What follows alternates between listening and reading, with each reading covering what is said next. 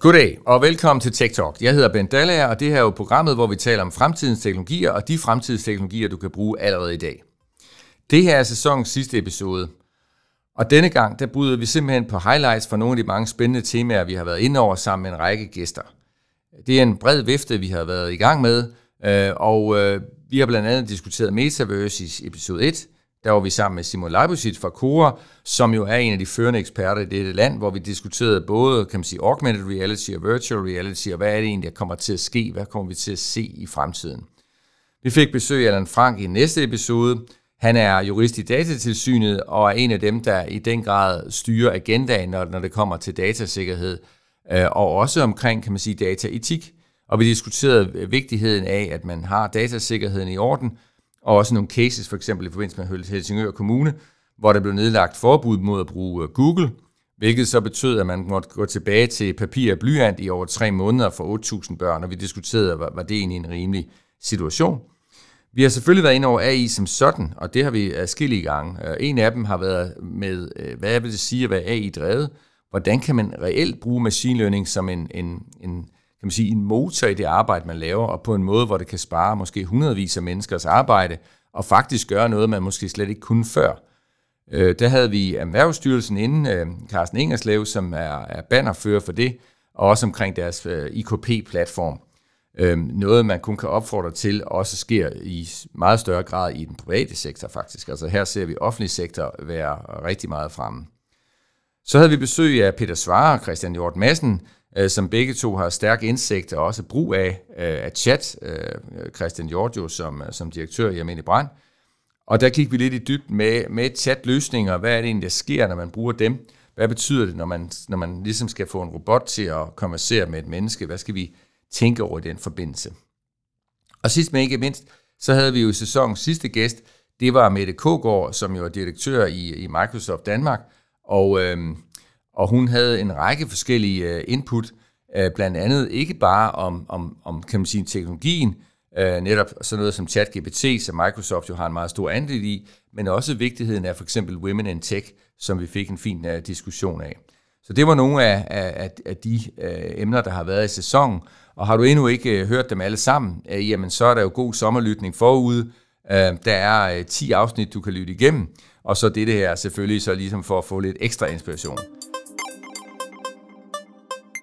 Ja, da vi desværre ikke har tid til at dele highlights fra alle 10 episoder, jamen så har jeg valgt at vælge fire af dem. Øh, fire, som jeg synes viser bredden i det, som vi har talt om, og fire, som forhåbentlig er inspirerende og får jer til at lytte til endnu flere episoder. Så glæd dig til at blive klogere på ChatGPT sammen med sprogprofessoren Ole Winter, en af de førende eksperter i verden. Det har været et meget, meget varmt emne, hele øh, ChatGPT'en og den måde, den har påvirket samfundet på.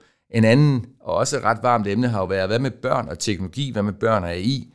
Hør øh, nogle synspunkter, som måske er lidt anderledes end dem, man normalt hører i debatten omkring det. Hør også om blockchain, øh, hvor professor Jan Damsgaard øh, giver sit bud. En udsendelse, som har haft mange lytninger, og hvor der er mange, der netop har ment, at, at endelig forstod de øh, blockchain øh, nok så vigtigt. Og til sidst en af de to optagelser, vi faktisk har omkring kvanteteknologi. Den her er lidt mere omkring, hvordan man anvender det. Og det er så Natasha Friis Saksberg, som er direktør for IT-branchen, og så er det Astrid Kyl, som står for kvante- og øh, AI-teknologien hos øh, TDC Net. Det første highlight, det er Ole Winter, som jo er sprogprofessor øh, på Københavns Universitet.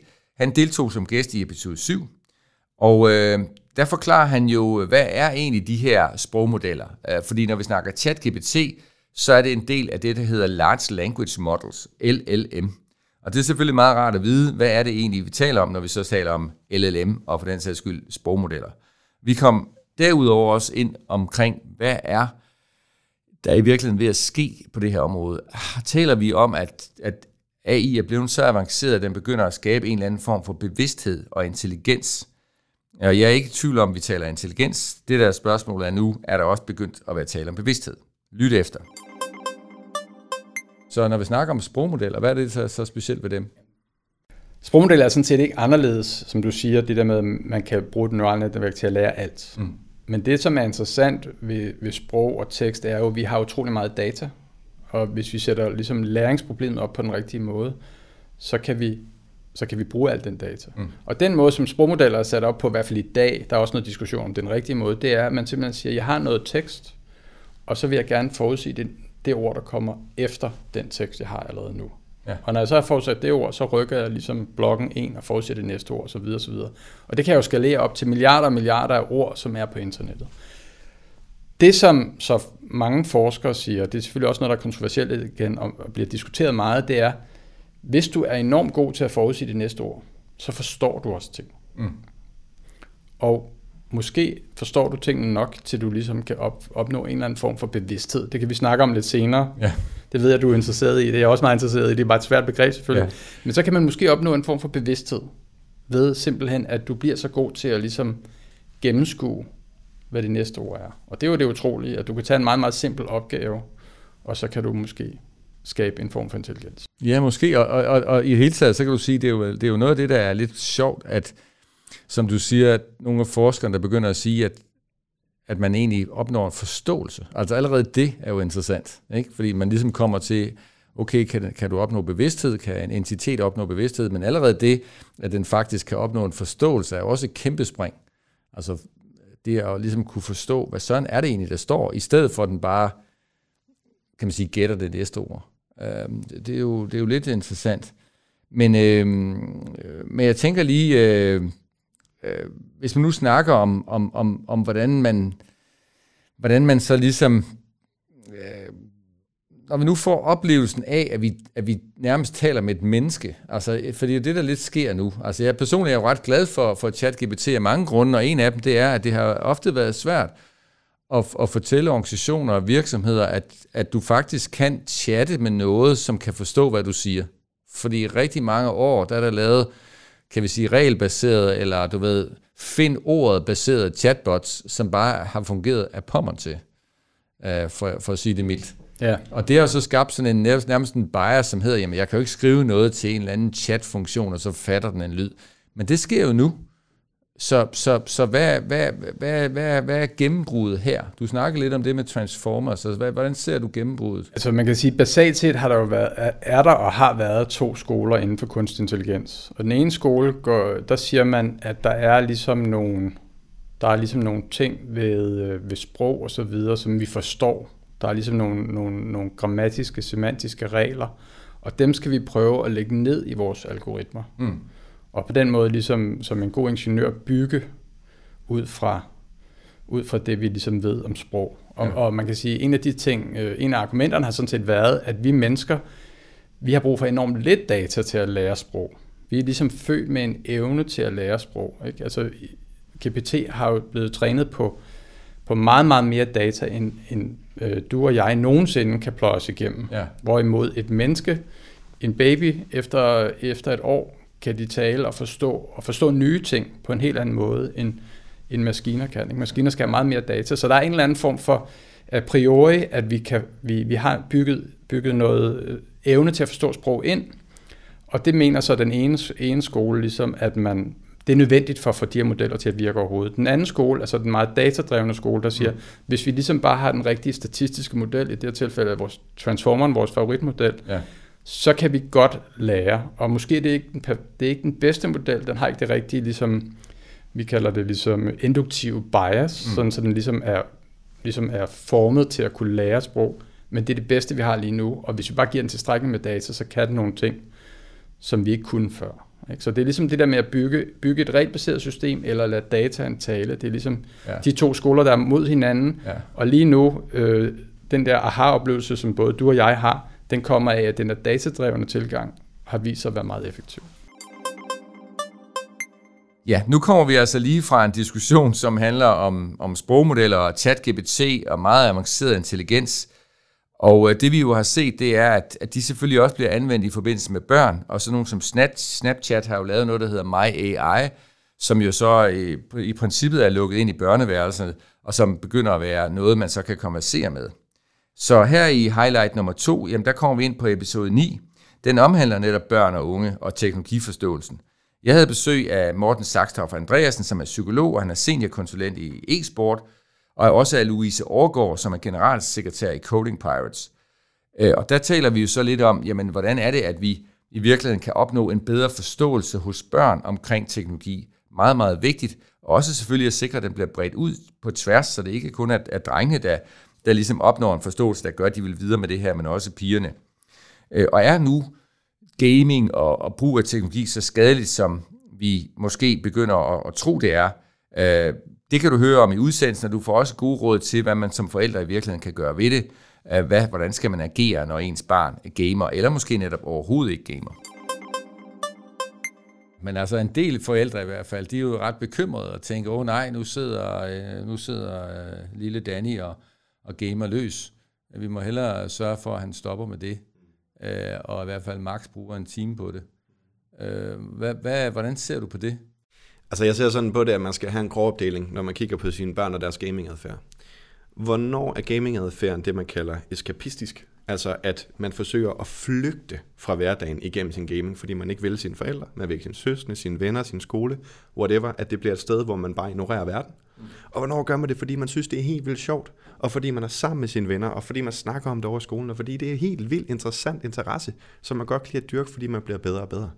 Og så er der nogle gråzoner imellem, og jeg kan få rigtig mange problemer ved at sige det sådan her, men der er faktisk ikke særlig meget, der peger på, at et stort skærmforbrug, når det kommer til gaming, er et problem i forhold til trivsel.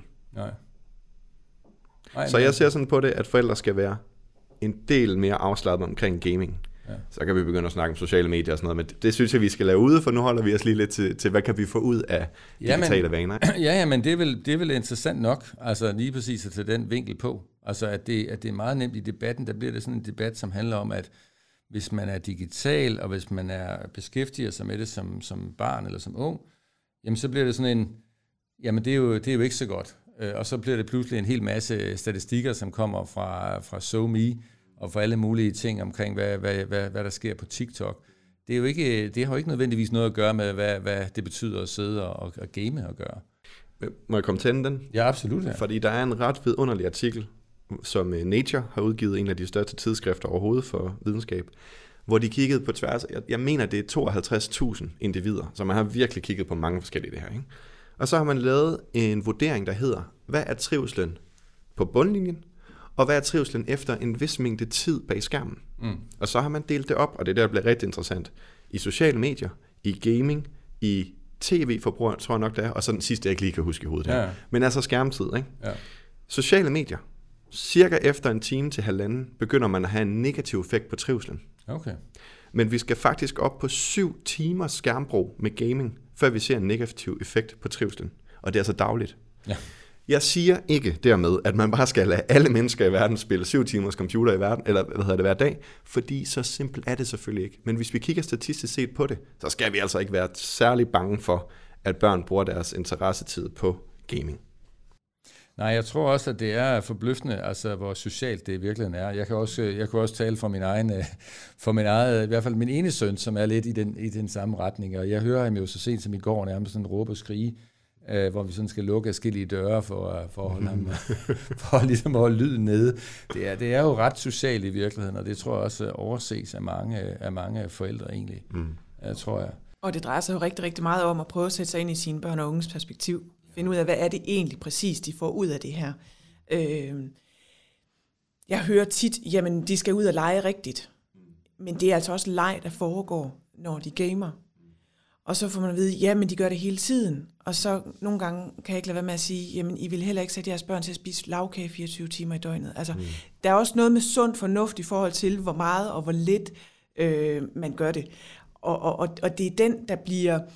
Øh, det er den her sunde fornuft, der på en eller anden måde bliver, bliver fjernet i en meget polariseret debat.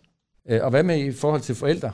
Øh, hvad, hvad siger I? Hvad siger I der? Hvad vil være råd til forældrene, som er bekymrede over deres børn og brugen af deres PC og hvad de ellers har? Jamen altså, jeg synes jo klart, at man skal opfordre øh, børnene til at, at, at skabe med teknologien. Altså få dem til at se på nogle af de her forskellige øh, rigtig gode programmer, der er. Alt fra Scratch til øh, 3D-programmering, modulering til alverdens ting og sager, som de egentlig selv kan gå i gang med. Øh, det er den ene ting. Øh, den anden ting er, at som jeg har nævnt tidligere, bliver nødt til at tage en snak med deres børn om, hvad det her er for noget. Og, og så have en klar oplevelse af, altså ligesom når man spørger til, hvordan gik det i skolen i dag? hvordan er dit online-liv gået i dag? Øhm, og så har jeg en ekstra lille ting, og det er, fordi det vi kan se hos os, det er, vi har klart flest drenge i øh, Coding Parts. Det synes jeg er rigtig ærgerligt, fordi øh, pigerne er også rigtig, rigtig dygtige til det. Og det starter ved forældrene. De skal sørge for at få deres piger med. Pigerne vil blive sindssygt dygtige ind i en, øh, ind i en innovationsagenda for Danmark. Vi bliver nødt til at have pigerne med. Øh, så, så den starter altså ved forældrene. Ja, det er skrækkeligt. Altså nu nævnte jeg jo Ada Lovelace før, Ja. som Mm. jo altså øh, var en kvinde, og som faktisk er, kan man sige, founderen af al programmering. Og så har vi jo også sådan en som Grace Hopper, som jo øh, som var opfinderen bag, bag COBOL, som øh, var det mest udbredte programmeringssprog overhovedet i verden. Øh, og, øh, og der var i hele taget en, en, en generation der i 50'erne og 60'erne, hvor det var helt naturligt, at det selvfølgelig var kvinder, der programmerede. Mm. Det er helt grotesk, det, det, det vi ser nu, så den, den vil jeg gerne øh, opfordre til, at man tænker over derhjemme. Mm. Og Morten, hvad vil du sige til de bekymrede forældre? Sæt jer ned og spil sammen med jeres børn. Jeg synes, det er pinligt, at man kan lade sine børn bruge så meget tid på noget, uden at have nogen idé om, hvad der foregår. Og jeg har aldrig haft et eksempel på nogen, der satte sig og spillede med deres børn, som ikke blev klogere. Jeg har faktisk haft rigtig mange eksempler på det modsatte. Lige en hurtig historie til det. Skærmtid er selvfølgelig det spørgsmål, man bliver stillet aller, allermest mm. som e-sports- og gaming-psykolog. Ikke? Ja. Hvor meget må de mine børn sidde foran skærmen? Og så svarer jeg altid, det gider slet ikke snakke om. Spørg dit barn. Fordi når du spørger dit barn, så siger de til at starte med øh, 20 timer. Og så siger forældrene 1. Og så går der en dårlig forhandling i gang. Men det sjove ved det er, når man laver den lille øvelse, der hedder, nu skal barnet skrive et time antal ned på et stykke papir, og forældrene skal skrive det ned, og de så gamer sammen. Så skriver forældrene faktisk, og jeg har gjort det her mange gange, et højere tal end barnet, når de har haft kommunikationen. Barnet bliver typisk faktisk lidt træt af at spille med deres forældre efter kort tid, fordi åh, det går ikke hurtigt nok, Ja, det og det det påvirker det der. Så snak sammen om det, sæt jer ned og gør det. Det koster ingenting, heller ikke i tid. Ja, nu kommer vi jo lige fra, øh, kan man sige, øh, building blocks, øh, og så over til blockchain, hvis man kan sige det på den måde, fordi vi kommer lige fra det her med, at vi har talt om børn og teknologi, og så, så springer vi over til den anden del af spektret, hvor vi taler om, om blockchain-teknologi. Den øh, teknologi, som, som er en, en central del af, af digitalisering øh, fremover. Den har haft rigtig lang tid på at komme på banen, men nu er der noget, der tyder på, at vi begynder at se det mere og mere. Man taler om det nye web, det der hedder Web 3.0. Du kan høre meget mere om det i, i øh, den her tredje episode, og jeg har valgt et klip derfra. Jeg sidder jo sammen med professor Jan Damsgaard fra, fra CBS, som har speciale i digitalisering, og som også har skrevet en bog om emnet, som jeg kun kan anbefale at læse. Han kommer ind på de typiske anvendelsesområder for blockchain i den del, du nu kommer til at høre. Altså han er øh, virkelig, virkelig dygtig til sit fag, det er der overhovedet ingen tvivl om, men det gode her er, at han jo også kaster anekdoter, og han kaster metaforer ind, så øh, jeg synes, det var et, et, et øh, næsten morsomt afsnit, øh, men øh, nu kan du selv høre. Sådan set fra, fra din stol, hvad, hvad er det så, som er, er, er sådan den typiske, de typiske anvendelsesområder for blockchain? De typiske anvendelser for blockchain, det er jo, at vi her har at gøre med en helt revolutionerende teknologi, som vi ikke har haft adgang til tidligere på øh, internettet. Og øh, jeg tror, Berners-Lee, ham der opfandt øh, World Wide Web, han er ude at sige, at det er det manglende led i at kunne lave en komplet portefølje af processer og øh, øh, mekanismer på internettet. Så, så det den jo kan, det er, at den er internettets bogholderi, mm-hmm. hvor vi altså lige pludselig kan holde styr på, hvem ejer hvad, og man kan have det her med at kunne følge tingene tilbage, fordi vi har de her linkede transaktioner, øh, og vi har det her mulighed for at autentificere, at noget er ægte, og måske også kunne overføre ejerskabet til den næste ejer. Så det, det er nogle af de ting, som, som blockchain giver god mulighed for. Og de passer, som du nævnte, også rigtig godt på betalinger øh, og på valuta. Øh, så derfor har blockchain først fundet anvendelse inden for de områder. Ja, så betalinger er ligesom starten der øh, på det hele. Øh, og, og, og den legendariske Nakamoto. Satoshi Nakamoto, som ja. vi ikke rigtig ved, hvem er. Og det, man også skal huske på, det er jo, at det kom faktisk så på bagkanten af finanskrisen, hvor man ønskede at lave et øh, betalingssystem, som var uden for rækkevidde af stater og banker og andre, og give magten over ens penge tilbage til brugerne. Øh, og, og det er derfor, at, det, at den er skabt, den er født i mistro til de etablerede banker, og det er også derfor, at de etablerede banker øh, på den anden side har den her mistro over for kryptovalutaerne. Så de to er svært at blande. Det er ligesom vand og olie, de tager ikke rigtig hinanden til sig sådan helhjertet. Så i stedet for er der en, en måske også en sund skepsis mellem de to parter, fordi at øh, de har ikke ret meget gavn af hinanden, kan man sige. Og hvad kunne du forklare lidt omkring, fordi man slynger bare ordet blockchain ud og blockchain-teknologi, men altså, hvad er det egentlig, vi taler om her? Ja, vi taler om internettets bogholderi, og øh, de af os, der har arbejdet med en manuel bogholderi, vi ved godt, at når vi skriver noget ind i bogholderiet, så kan det ikke slettes. Og på samme måde med blockchain, når man har ført et eller andet ind på blockchain, så kan det ikke slettes. Man kan skrive noget nyere information ind, men man kan altså ikke slette det tidligere.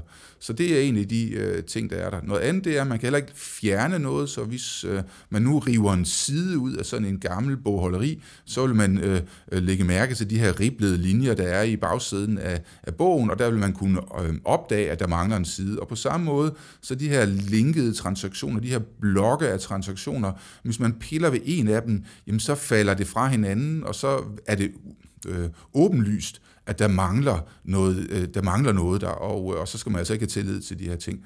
Og så er der den her måde, hvorpå man laver øh, det med, at det er en distribueret mm. øh, bogholderi, så at der altså ikke er én øh, person, der ligesom har ansvaret for de her ting. Og, øh, og øh, det, man har gjort i moderne tid, det er jo, at man har bygget netop en udgave af et bogholderi, og så har man forsøgt at beskytte den øh, med alle mulige måder. Øh, og det man gør øh, med en blockchain, det er faktisk det modsatte. Man øh, spreder ligesom øh, øh, den her viden ud, og, øh, og ideen er, at hvis der er mange, der ved det, så er det meget sværere at kompere.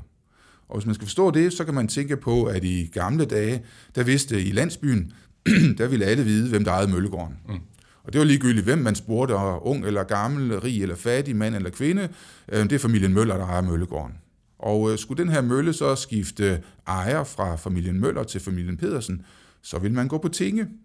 Og på tinge, der vil man tage en håndfuld jord, der vil familien Møller tage en håndfuld jord fra Møllegården af, og så vil den smide den i skødet på familien Pedersen, og det vil ligesom symbolisere overdragelsen af ejerskabet, og det er faktisk også en atomar handling, så hvis Møllegården brændte inden jorden blev smidt, så var det familien Møllers ansvar. Brændte Møllegården efter jorden var smidt, så var det familien Pedersens ansvar. Og, øh, og det der også er, det er, at det er faktisk derfra, vi har ordet skøde. Det er jorden, der blev smidt i skødet på familien Pedersen. Og næste dag, så ville alle vide det, at øh, nu ejede familien Pedersen øh, Møllegården, og øh, igen, så er der ikke noget grund til at skrive det ned nogen steder. Og, øh, og det der jo er, det er, at jo flere, der var til stede på tinge, jo mere sikkert ligger den her information. Mm. Så selvom man måske kan være i stand til at overbevise en enkelt øh, landsbybo øh, om, at øh, jamen, det er faktisk sådan, at det er, fam- det er familien Dalager, der måske arbejder i Møllegården, mm. jamen så har det ingen gang på jorden, fordi alle de andre landsbyboere, de vil sige, vise vasse, vi ved alle sammen, at det er familien Pedersen. Og, og det er egentlig ideen bag blockchain, det er, at man håber på, at der vil være tusind, 10.000 vis, 100.000 vis af ligeværdige instanser af bogholderiet, og det vil sige, at det er utrolig vanskeligt at korrumpere det. Man skal bryde ind i mindst halvdelen af alle de her versioner eller instanser af bogholderiet, og det skal man faktisk gøre samtidig. Man kan ikke engang gøre det med et sekund eller fem sekunders øh, mellemrum, de skal brydes ind samtidig, og det er faktisk aldrig gjort. Øh, så derfor så øh, regner man med, at det her det er sådan fremtidens måde at gøre det på. Og det virker jo lidt paradoxalt, at, mm. at det skal være, jo mere sikkert det er, jo flere skal have det. Ikke? Og, øh, men det er jo den her, der kommer så tilbage til, hvad romerne allerede vidste, nemlig, hvem skal vogte vogterne. Så det, der jo så skete i sin tid, det var, at kongen ønsker at beskatte de her aktiver, der var i landsbyen, og så bad han en enkelt person om at ligesom sidde og lave optegnelser på, hvad der blev annonceret på, på, på tinge. Og, øh, og øh, så øh, tænker man efter et stykke tid, jamen, øh, øh, hvorfor skal han, vi gider ikke gå på tinge længere, vi går simpelthen bare hen til, øh, til øh, notaren, og så kan vi få ham eller hende til at skrive ind i, i den her tingbog. Øh, Øh, men så skabte vi lige pludselig et øh, centralt bogholderi, hvor at øh, der er en enkelt person, der kan korrumperes, og så er det ligesom, så kan bogholderiet øh, rettes i, og så er det ikke længere den distribuerede viden. Øh, og det er faktisk den måde, vi har bygget op på i dag, og, øh, og det her det går så tilbage til det. Og det er det en af de ting, som jeg synes er mest fascinerende ved blockchain, det er, at man kan de her ting. Ja, nu kommer vi lige fra at tale om blockchain, og nu skal vi så ind i building blocks, kan man sige. Og denne her gang, der er det altså ikke børns building blocks, men der er det de byggestene, som udgør selve vores univers, nemlig øh, atomer og subatomare partikler. Så i den her fjerde og sidste highlight, jamen der talte jeg i episode 8 med Astrid Kyl, som er leder af Advanced Analytics og, og Quantet som en del af det hos TDC Net, og Natasha Friis Saksberg, som er direktør i IT-branchen, og hun er også viceformand og faktisk co-founder af Danish Quantum Community. Øh, så vi havde en god snak omkring, hvordan er det egentlig, man kan anvende øh, kvanteteknologi, hvad kan man gøre allerede nu, øh, og hvordan kan man sikre, at teknologi kommer i spil, når det handler om at gøre os alle sammen bedre på klimaområdet, og hvordan at der i virkeligheden er en kæmpe mulighed der, hvordan kvanteteknologien virkelig kan rykke på den grønne agenda i det øjeblik, den for alvor kommer i spil. Så det er noget, I kan høre om her. Nu siger du, at man bliver ligesom smittet lidt af, af, af, af kan man sige, når man først ligesom har, har mærket kvanteteknologien, så begynder man at tænke, at det her det er noget, vi skal kigge nærmere på. Og, og hvorfor egentlig det? Hvad, hvad er det, du øh, har festet dig ved? Jamen altså, der, kvanteteknologi øh, dækker jo over en række forskellige områder, og, og en af områderne, øh, de store områder, er kvantekommunikation, og det er jo her, hvor vi beskytter øh, den digitale kommunikation med øh, kryptering, øh, som ikke kan brydes af en kvantecomputer. Og den teknologi er til rådighed allerede i dag, øh, så selvom en kvantecomputer, som kan bryde den mest gængse øh, kryptering, blandt andet RSA, så, som selvfølgelig ikke er tilgængelig nu, så arbejder man med øh, de her øh, øh algoritmer, som i virkeligheden kan beskytte os imod det, man kalder Harvest Now Decripulator Attack, som betyder, at man optager, øh, eller hacker optager kommunikation, som er krypteret i dag, og så kan de så afkode den den dag, vi har en øh, kvantecomputer. Og hvorfor det er relevant i dag, hvis en kvantecomputer først kommer om 5, 10, 15 år? Øh, lad os se, hvor lang tid ja, det går. Det er, det er det jo fordi, at øh, hvis du arbejder med personfølsomme data, øh, så er den data, der er krypteret i dag, også relevant øh, om 5, 10, 15 år. Præcis, og man kan jo forestille sig, nu har vi jo tidligere set det indbrud, der var ved Nets i sin tid, øh, øh, via en journalist, og man kan jo netop forestille sig, at det samme være meget interessant. Altså, hvordan ser kronprins Frederiks øh, dankort-transaktioner ud? Jamen i princippet, så kan du sådan set hacke dig ind på dem nu, som du siger, og så kan man så senere ved hjælp af en kvantecomputer faktisk åbne op for dem, og så se, hvordan de ser ud. Og også om otte år det er interessant, øh, hvad han har, han har gebærdet sig med, for eksempel. Ikke? Og for at sætte det i relief med vil sige, de computer, vi har i dag, altså en klassisk computerkraft, så vil det tage et par millioner år at dekryptere den kryptering, vi har i dag, men med en kvantecomputer vil det tage cirka 28 minutter. Øhm, så vi er altså ude i nogle gevaldige øh, kræfter. Ja, så tid, sikkerhed er, er, er, det er et område, ja. er en meget vigtig ting her. Jeg sad og smilede lidt indforstået, det kan man jo ikke se, der er ikke video på her til, til Natasha, det er fordi, at, at jeg sidder i bestyrelsen faktisk for IT-branchen jo også, og, øh, og vi har haft en del diskussion, øh, nogle gange omkring gode eksempler på, på green. Altså, hvordan er det, at vi hvordan er det, at vi kan sikre, at man også får teknologien i spil, når det handler om at gøre os alle sammen øh, bedre på, på klimaområdet? Så da du sagde det der, der synes jeg jo, der tænker jeg, Natasha, det er jo et ret godt eksempel.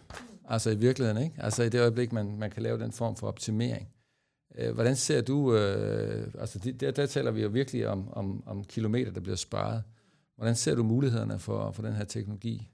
Jamen, kæmpe muligheder. Altså der, hvor øh, altså, det, var, det, jeg var i gang med at fortælle før, var jo, der var tre områder. Jeg nåede at sige den ene, som var kvantekommunikation. Jeg synes også, det er værd at nævne, at vi har også kvantesensorer, og det er blandt andet øh, den teknologi, vi bruger øh, i GPS, øh, som hen over de næste par år også bliver meget mere nøjagtig, og det er blandt andet noget, vi har brug for, når vi taler om selvkørende biler. Altså vi har sensorer, der øh, har en kapacitet, som, øh, som er øh, anderledes end, end den, vi, vi kender i dag.